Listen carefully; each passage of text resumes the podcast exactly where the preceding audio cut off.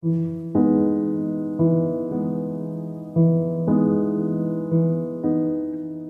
du følelsen du hadde som liten da du satt i et klasserom med opptil 30 andre elever? Mange hadde du aldri møtt før, og alle var nødt til å finne en måte å omgås hverandre på, selv om man kanskje hadde ulike interesser og ulike personligheter. Og så blir du voksen, og så får du barn, og så plutselig så er du der igjen. I klassen til barnet ditt så er det kanskje 30 elever, og ofte dobbelt så mange foreldre å forholde seg til. Folk du sjøl ikke har valgt å ha i livet ditt, men som du nå er nødt til å forholde deg til av barna. Og de aller, aller fleste er jo greie og fine folk, men én forelder irriterer deg kanskje, en annen har et helt annet syn på oppdragelse enn deg, og motsatt, noen syns kanskje du er helt håpløs. Hvordan skal du forholde deg til det? Rett og slett, hvordan skal vi forholde oss til andre foreldre? Vår ekspert Hedvig Montgomery har gode råd. Jeg heter Amalie Læring, og du hører på Foreldrekoden med psykolog Hedvig Montgomery. Velkommen, Hedvig. Når jeg har fortalt folk om dagens tema, så har alle reagert på samme måte, og det er 'så bra, dette vil jeg høre mer om'. Hvorfor tror du det er sånn? Fordi at det å være menneske sammen er noe av det mest utfordrende vi gjør, og det å være i en gruppe hvor vi både er så avhengige av hverandre, og også viser frem så mye personlig og så mye sårbart, uten at vi har valgt hvem vi gjør det til, det er klart det er et stort tema. Men er det sånn at dagens foreldre har mer med hverandre å gjøre enn før? Ja, det tror jeg nok stemmer. Fordi vi legger mye tid og krefter inn i våre barns oppvekst, og at de skal trives, som jo er fint. Og da blir det også, etter hvert som årene går, etter hvert som barna vokser seg til, så blir det mer og mer tid også med de andre foreldrene. Så jeg tror nok det stemmer at uh, foreldre i dag har mer å gjøre med medforeldre enn det de hadde for 30 år siden. Vi kan jo starte med en arena som alle foreldre må innom iallfall én gang i året, nemlig foreldremøte. Og da mener du at foreldremøte ofte har litt dårlig utgangspunkt. Hvorfor det? Altså, det må jo bare sies at tiden hvor foreldremøtet ligger på, når du kommer etter en full arbeidsdag og skal hoppe rett inn i dette med å tilpasse deg andre, og kanskje til og med litt sånn lysbildeshow som du sitter og blir søvnig til. Det er en tøff tid på dagen å ta et møte om noen ting som egentlig er viktig, og noen blir veldig søvnig av det, og noen blir veldig irritable av det. Men hva er ditt beste tips, da? Jeg må si at etter 30 år som forelder har jeg vel kommet frem til at det viktigste er å ikke gå på foreldremøte på tom mage. Spis på vei til foreldremøtet, om det så er en skolebolle i hånden. Noe av det som kan engasjere mest på foreldremøte eller blant foreldregrupper, det er dette med felles regler. Så vi må nesten dit med en gang. Felles regler om bursdagsgave, om når de skal få sosiale medier, når de skal få mobiltelefon. Er det en god idé? Ja, det er et godt spørsmål. Jeg tror mange lærere syns det hadde vært veldig behagelig hvis foreldrene hadde vært tydelige på slike ting, sånn at barna slapp å lure. Det er bare at når du sitter der med så mange forskjellige kulturer, for hver eneste familie har sin egen kultur, inn og attpåtil så mange forskjellige barn, som igjen gjør at de får forskjellig oppdragelse. Noen tar beskjed lett, andre tar aldri beskjed. Noen barn tar lett overganger og syns det er greit å avslutte for dataspillingen for å gå over til middagen, mens andre klarer ikke å avslutte noen ting de har begynt på, før de føler seg helt ferdig, som kan ta kjempelang tid. Så felles regler for helt ulike hverdager er ganske vanskelig å få til i praksis. Så hvor langt man kommer på det, jeg tror ikke man kommer så veldig langt. Samtidig så tror jeg at det å ha snakket om det, hvordan gjør vi det, og ja, sånn går det også an å gjøre det, kan være ganske lurt, både for å vite at det er så store forskjeller som det det ofte er, og kanskje for å innsnevre lite grann, i hvert fall, sånn at det ikke er altfor store sprikk. Men familier med helt forskjellig økonomi og helt forskjellig forhold til penger kommer til å gi forskjellig beløp i ukepenger. Noen kommer ikke til å gi i det hele tatt. Familier med helt forskjellig forhold til teknologi og til glede av dataspill kommer til å ha forskjellige regler rundt hvor mye tid som kan gå til dataspill. Men det er veldig lurt å ha snakket litt om det, i hvert fall. Så jeg, for meg er nesten mer poenget at man får et slags språk for det, og at man kan spørre hverandre. At det på en måte ikke blir så tabu eller så touchy. Men her er jo greia. Ofte så blir det jo enda mer tabu fordi man har sittet i et foreldremøte og nikket til at vi skal være så flinke og ingen skal få spille tolvårsspill før de fyller tolv og så klarer man ikke å holde helt på den regelen, og så blir det enda vanskeligere å snakke om det etterpå. Eh, så sånn sett tror jeg kanskje det hjelper at målet kan ikke være en felles regel, men målet kan være at vi vet litt om hvor forskjellig vi gjør det, og kanskje la oss inspirere litt av hverandre.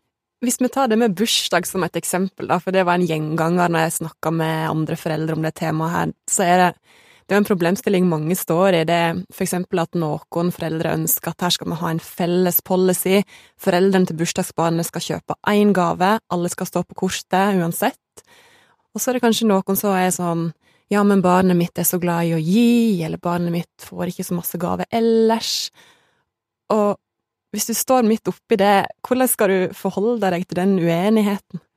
Ja, det er kjempevanskelig, eh, og jeg kjenner meg så godt igjen eh, i at de som har veldig sterke meninger, får litt viljen sin, selv om det kanskje ikke er en så kjempegod idé. Men så er også min erfaring at det går seg litt til over tid. Uh, det utkrystalliserer seg etter hvert en ganske sånn felles forståelse av hvor mye man skal bruke på gaver, eller om man skal bruke gaver i det hele tatt. Dette har endret seg mye det er ikke mange år siden det var helt utenkelig at det ikke skulle være en konvolutt med en hundrelapp i. Eh, og den gleden som barna følte ved å eh, få sine helt egne hundrelapper, var til å ta og føle på. Nå som det nesten ikke finnes fysiske hundrelapper, så, så har det endret hele opplevelsen av Det er liksom ikke det samme å få et kort hvor det står 'Og mamma vippser din mamma 100 kroner' blir liksom ikke det samme. Så jeg ser at det helt sånn teknologiske har gjort noen ting med hvordan vi tenker rundt det. Jeg ser også at den der fellesgaven blir litt sånn mellom alle stoler, fordi da blir det jo verken noen ting personlig fra det ene barnet til det andre barnet, eller uh, at uh, gaver er ikke så viktig. Det blir liksom Jeg ser ikke helt hvordan den fungerer i praksis, men det er helt sikkert noen som får den til å fungere også. Så jeg vet ikke, jeg tror man må la dette få lov til å gå seg lite grann til, men for min egen del har jeg nok lagt vekt på at jeg tror det er lurt at barna har et eller annet personlig investert i det å gå i et selskap, i det å lære seg å ta med noen ting, overrekke det, det å lære seg å ta imot noen ting og si tusen takk, det er faktisk en fin del av bursdagsselskapene. Så om man klarer å finne en måte å i hvert fall beholde litt av den der gi og ta, eh, og, og, vise frem at du betyr noe for meg, dimensjonen inn i eh, bursdagsgavene, så tror jeg det er ganske lurt. Samtidig så ser jeg jo at det har i noen år vært så mange dingser og ting at til slutt ingenting har betydd noen ting. Jeg syns ikke det er så rart at man har trengt å komme litt bort fra det heller. Men når vi snakker om bursdag, så er jo økonomi en viktig del òg. Hvor mye hensyn skal en ta til det? For det er, jo, det er, jo, helt ulikt fra familie til familie hvor mye en har mulighet til å gi, da. Ja, for ikke å snakke om hvor mye selskap man har muligheten til å arrangere, som jo virkelig er den kostbare delen av dette. Og der er det jo også noen ting som har endret seg i det øyeblikk man sier at alle i den naturlige gruppen må inviteres, enten alle guttene eller alle jentene, eller både jentene og guttene, så har jo bursdagsselskapet gått litt fra å være ja, bursdagsselskaper til nesten å bli events. Uh, og du risikerer jo å ha en klasse med 19 gutter, så uh, selv det å bare invitere guttene hvis du har en gutt, det kan være en kjempejobb. Så ja, det er klart at økonomi betyr noen ting. Samtidig så ser jeg at for barna så er jo det litt sånn om de har ute og griller pølser-bursdag, eller om de har Fangene på fortet-bursdag, er ikke så stor forskjell for dem som det det er for oss. Um, så jeg tror av og til at det er vår egen økonomiskam som virkelig setter fingeravtrykkene på dette her. Mer enn det det er barnas opplevelser. Eh, og jeg tror også at det å lage plass til at det finnes forskjellige måter å gjøre dette på, og det går helt fint, gjør at barna også blir mer komfortable med å ha den familien de har.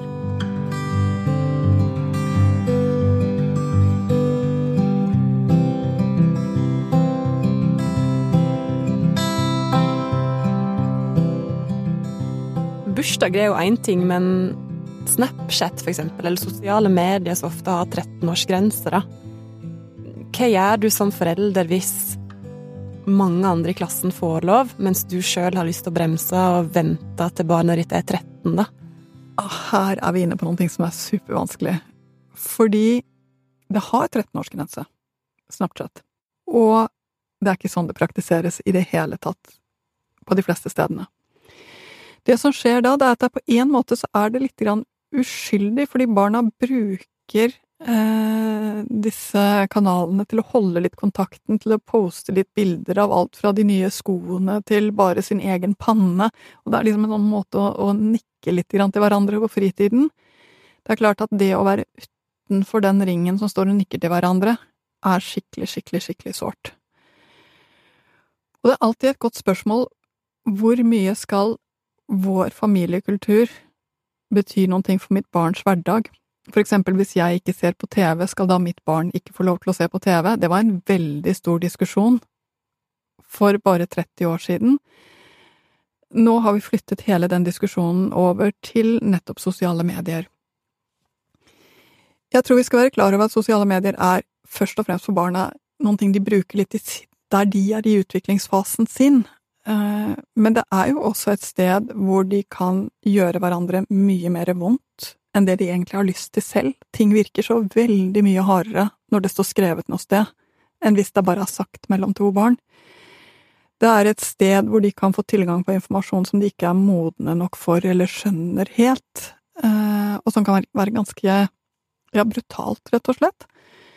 Så hele denne plattformen trenger jo også at det er rom for å snakke om det. Altså at det går an å si ifra når man har sett noe som er skremmende, eller at det går an å si ifra når man føler at de andre skrev noe som var vondt. Og det gjør også at det å forby noe hardt kanskje virker mot sin hensikt, fordi barna kommer seg stort sett rundt våre forbud når det er viktig for dem, også på dette her. Kanskje går du da glipp av den der muligheten til å veilede og være med barna i dette som er en veldig viktig del av deres hverdag. Så en skal bare gi etter, da, eller? Ikke sant? Så det er jo et veldig, veldig vanskelig spørsmål. Men igjen tror jeg det er lurt å snakke med de andre om det. Jeg skulle ønske at vi kunne vente, og hvis det så viser seg at det er ingen andre som har ventet, så vet du i hvert fall at ok, her blir det ikke lett å holde på det jeg hadde tenkt. Men da er det enda viktigere å ha en viss sånn oversikt over hvordan barnet ditt har det på sosiale medier eller med det de ser på skjerm. Eh, nå ser jeg også, og det tror jeg er en viktig ting å si, jeg ser at barn i dag, som er 11, 12, 13, 14, faktisk har et mer modent forhold til alt de opplever på skjerm, enn det de hadde for bare fem år siden. Det er akkurat som de skjønner mer at alt ikke er så bokstavelig, det er akkurat som de har mer forståelse for at ting kan være vridd, og også at ting kan skrives der og kan være helt feil, og at man må si unnskyld og, og rette opp. Så jeg ser jo også at her ligger nesten barna foran oss foreldre ofte, i å forstå hvordan denne verden fungerer. Jeg er i hvert fall helt sikker på én ting. Vi kan ikke ta barna våre helt bort fra den, det miljøet de lever i. Men vi kan hjelpe dem å være i det miljøet de lever i, og vi kan vise frem litt av kortene våre, altså hva gjør at jeg ikke bruker så mye tid på det, og hva gjør at jeg tenker at det er viktig å gjøre andre ting. Jeg tror jo virkelig ikke at den største problemen for barna er skjermen i seg selv, men at de gjør for lite annet Og det kan vi voksne legge ganske mye til rette for. Hvordan barna kan gjøre andre ting enn å sitte med telefonen, og hvordan vi kan lage en virkelighet hvor vi også møtes ansikt til ansikt og gjør ting sammen. Det går det også an å snakke om på et foreldremøte. Ja. Og bare sånn, før de kommer dit at de begynner med Snapchat eller sosiale medier, så er det bare det der med å få telefon, da, som er en stor sak, og hvis en har lyst til å vente til barnet blir eldre, da, Mm. Så er det flere jeg har snakka med som snakker om den der at du havner i den rolla som den kjipe forelderen hvis du er den som sier nei. Mm. Det er en kjip rolle å stå i òg, da. Nå må jeg bare si at uh, før eller siden havner du i den kjipe rollen som mamma eller pappa. Uansett. Uh, og det er helt ålreit å være litt kjip. Men det som er så rart, det er at barns evne til å bruke telefonen, for ikke å snakke om en smarttelefon, ligger jo ikke foran deres egen utvikling. Så åtteåringen mister den lett, og uh, uansett så får du aldri svar når du ringer på den, for den er jo altfor komplisert. Så jeg ser jo det at mange barn får rett og slett teknologi som ligger foran deres egen utvikling. Og der kjenner du ditt eget barn best. Har du et barn som uansett bare kommer til å miste den telefonen i do, så kan det jo være ganske lurt å ikke gi den. Eh, eller hvis du gir den, gi noen ting som ikke er så farlig, blir borte eller mistet eh, i løpet av de første 14 dagene. Men hvis du har et barn som er flink til å ta vare på ting og, finner en måte å bruke den på som er noe nyttig, så, så er jo det noe annet. Jeg vet ikke alltid om dette her egner seg for fellesregler heller, igjen fordi barn er så veldig, veldig forskjellige. Men jeg vet at det å følge med på hvor ditt barn ligger henne, og hvordan hans eller hennes vennegjeng ser ut, er viktigere enn hvilke ideer du hadde selv. Men kan det være fint for barn å bare lære seg at verden er urettferdig, og sånn er det, hun har fått telefon, og han har fått telefon, men eh, du får ikke ennå. Sånn er det. Det rare er at de tar det til og med helt fint. De skjønner og vet at verden er ganske forskjellig, og at de har forskjellige både foreldre og, og hjemmesituasjoner og økonomisk situasjon. Men for barn så kan det jo være Det kan jo være vanskelig å være den som har for strenge grenser, men det kan òg være vanskelig å være den som som ikke har grenser i det hele tatt? Altså, dette er jo veldig, veldig sterkt med barn. At de har lyst til å være som de andre. De har lyst til å kunne gå ut hjemmefra og være sammen med de andre barna på omtrent Ja, det er et oss der. Og det betyr at det er kjipt å være det barnet som får alt, får lov til alt, har helt, helt frislipp, fordi det gjør det annerledes. Og det er kjipt å være det barnet som ikke får lov til noen ting, og som blir holdt veldig hardt i øra. Som forelder betyr nok det at du har din foreldrestil, og hver familie har sin, men ha et blikk for hvordan ser det ut rundt oss, og hva skal til for at mitt barn ikke skal føle seg helt utafor i vennegruppen.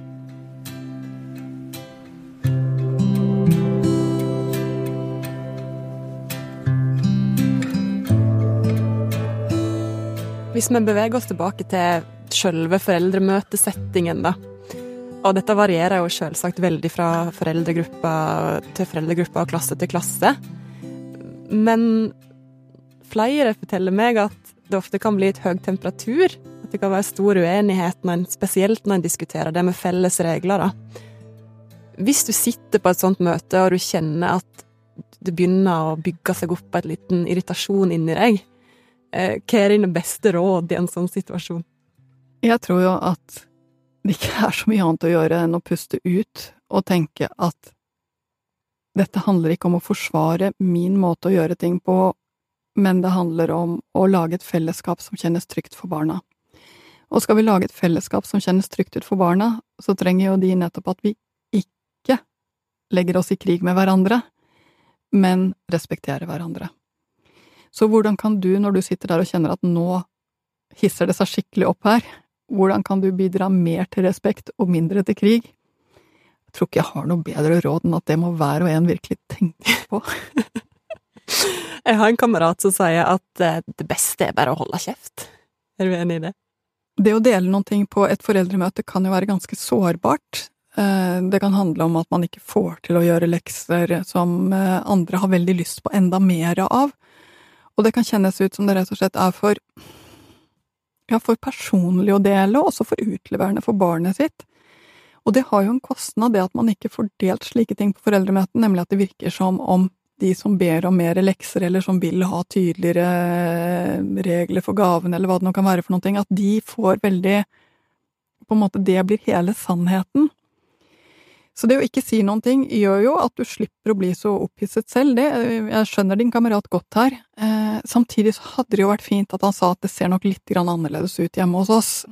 Det er sikkert store forskjeller på oss alle sammen her, men hjemme hos oss er det i hvert fall slik. Altså, at man klarer å si noen ting som gjør at det ikke bare blir én fasit, eller de som er veldig sånn fornøyde med sin egen måte å gjøre det på, ja. som får hele gulvet. For det er jo noen som ikke har noe problem med å snakke framfor mange folk, og så er det noen som syns det er fryktelig ukomfortabelt å ta ordet, da. Mm. Har du noen råd til de foreldrene som er litt eh, sjenerte eller tilbakeholdne? Som forelder så er du jo ikke bare deg selv, du er deg jo også for ditt barn. Uh, og jeg må si jeg er ikke spesielt glad i å si noe selv i disse foreldremøtene, så her har jeg veldig stor forståelse for dem som ikke har det. Men jeg svelger tungt og tenker at dette er ikke for meg. Dette gjør jeg fordi jeg også er her som mitt barns talsperson, uh, og da kan det være fint å ha sagt noen ting om dette. Det hender jo også at det kan, rett og slett kan være lurt å si det til læreren etterpå, eller sende en e-post etterpå, så at jeg fikk ikke sagt dette, men uh, sånn at læreren i hvert fall vet at det finnes flere stemmer. Men aller best er om du klarer å si det på en måte som får de andre til å i hvert fall tenke litt at det går an å, å ha flere stemmer inn i rommet. For ideelt sett er det egentlig det jeg ser etter på et foreldremøte. Ikke enighet, men at disse 25-30 ulike familiekulturene skal kunne ha litt respekt for hverandre og være innenfor disse fire veggene. For faktisk så sitter de barna der og er nøyaktig så forskjellige og deler dette klasserommet hver eneste dag.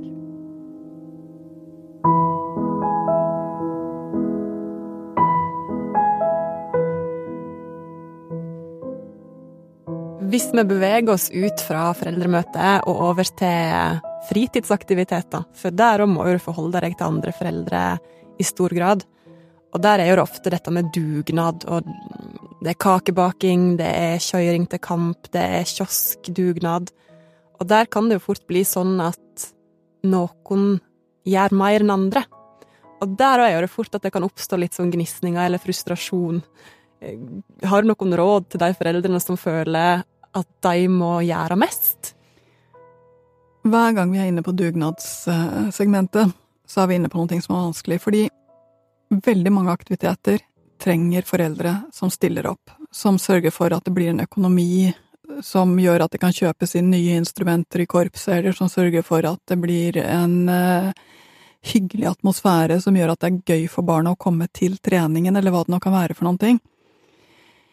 Eh, samtidig så er det kjempeforskjellig hvor mye kapasitet forskjellige familier har.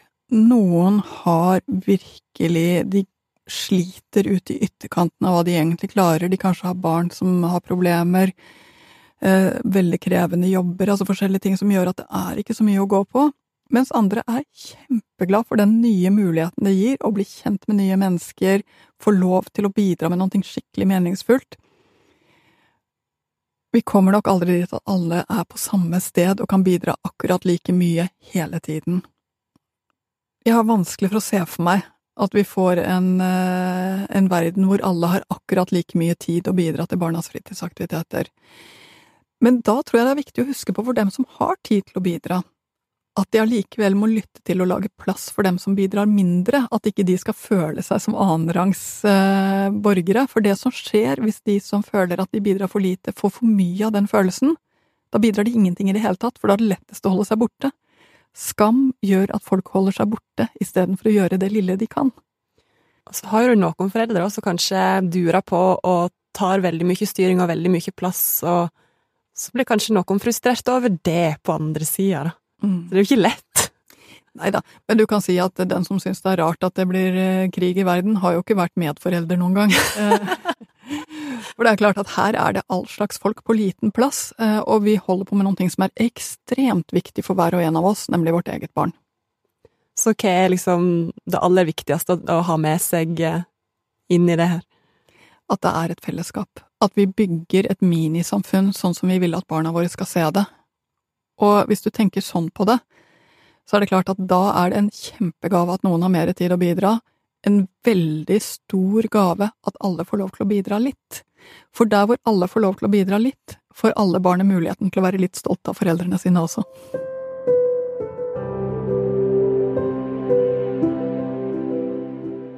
Vi skal bevege oss mer over i heimen. Hvis du har et barn eller en ungdom eh, som forteller deg at noen er stygge mot deg på skolen eller på internett, skal du da ta det opp med foreldrene til de det gjelder? Ja, du, det kommer jo an på. Eh, det kommer an på alderen til barnet. Det kommer an på hva du har fått lov til av barnet. Eh, og det kommer an på hvor godt du kjenner de andre foreldrene. Jeg vet jo at i det tilfellet hvor du ringer hjem til noen andre foreldre og sier dette har ditt barn gjort mot mitt barn, så er det vanskelig å ikke få det til å bli en ganske kraftfull anklage, og folk som føler seg anklaget, har en tendens til å gå voldsomt i forsvar. Så sannsynligheten for at dette blir en samtale som løser noen ting for barna, begynner på en måte å synke. Så min første råd er ring aldri til andre foreldre før du er helt rolig selv. La det heller gå litt tid enn å tenke at du må gjøre det med en gang. Få mer informasjon, i den grad du kan. Liksom se barna an, se dem når de leker sammen hvis du kan, eller uh, hør hva annet som skjer. Sånn at du har en litt mer sånn bred base å snakke fra. Det er ikke sikkert at dette er et stort problem, men jeg ser jo at det også er mye fint men sånn og sånn har jeg også hørt. Altså, rett og slett pass på at du lager plass til den andre til å være litt stolt av sitt barn, og til å lete etter en løsning sammen med deg, istedenfor at vi havner i en voksenkonflikt. Så inngangen din skal være mer hvordan skal vi få til en løsning, istedenfor hei, du, din unge har gjort det, han har gjort det, og ja. Mm. Det er ja, fort å gå dit, da. Det er fort å gjøre det. Dette må dere ta opp hjemme-løsningen fungerer jo ikke. Det andre det er at det blikket du får fra ditt eget barn, er akkurat informasjon du får fra ditt eget barn. Eh, det kan være at situasjonen har vært helt annerledes. Det kan til og med være at det er ditt barn som har vært mest vanskelig i denne situasjonen. Du får en filtrert versjon.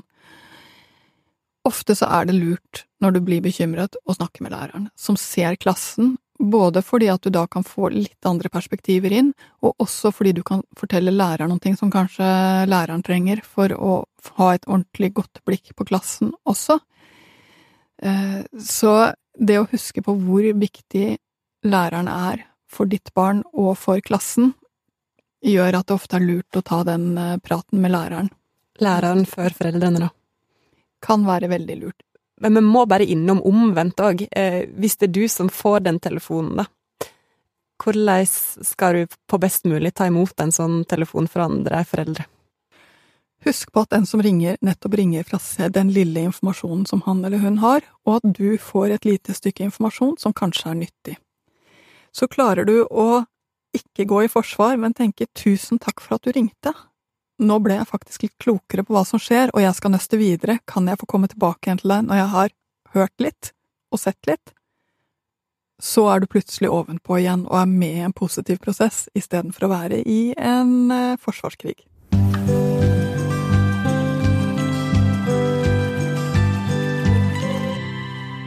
Nå har jo vi snakket om mange av de tingene som kan være vanskelig eller utfordrende med andre foreldre, men så er det veldig mye som kan være veldig bra òg.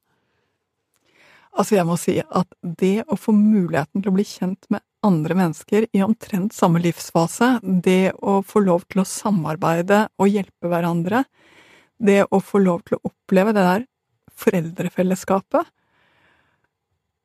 Altså, jeg synes det har vært en gave. Medforeldre er ikke bare irriterende, de er også en fantastisk fin mulighet, og hvor ofte i voksenlivet har man muligheten til å treffe nye mennesker så tett innpå privatlivet som det du gjør med andre foreldre. Og så er det selvfølgelig slik at noen tenker jeg er fine å være sammen med her og nå, fordi vi er akkurat nå foreldre i samme klasse. Men andre vet jeg at jeg kommer til å ha med meg både i hjertet og fysisk for resten av livet. For du verden så nær hverandre man kan komme i et foreldrefellesskap. Det var en veldig deilig plass å avslutte. Eh, nå har vi snakka om mye av det negative, men det er jo kjempemye bra òg. tusen takk, Hedvig, for eh, masse gode råd. Foreldrekoden er tilbake neste uke, men fram til det så kan du gå inn og følge oss på Facebook-gruppa vår, der du kan be om og ikke minst dele tips og råd. Følg oss gjerne på Instagram òg, eller send oss en mail til foreldrekoden at aftenposten.no. Foreldrekoden er ellers laga av meg, Amalie Læring, og produsent Fride Nesten Onsdag. Ansvarlig redaktør er Trine Eilertsen.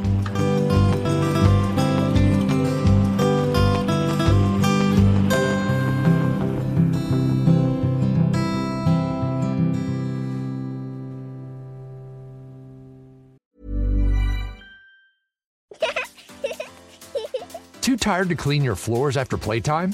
Forgot to vacuum before your friends bring their little ones over? Let Eufy X10 Pro Omni help. Powerful 8000 PA suction removes debris, and MopMaster dual mop pads scrub away stubborn stains with ease. Save time and keep your floors cleaner. Want to know more? Go to eufy.com, that's EUFY.com, and discover X10 Pro Omni, the best in class all in one robot vacuum for only $799.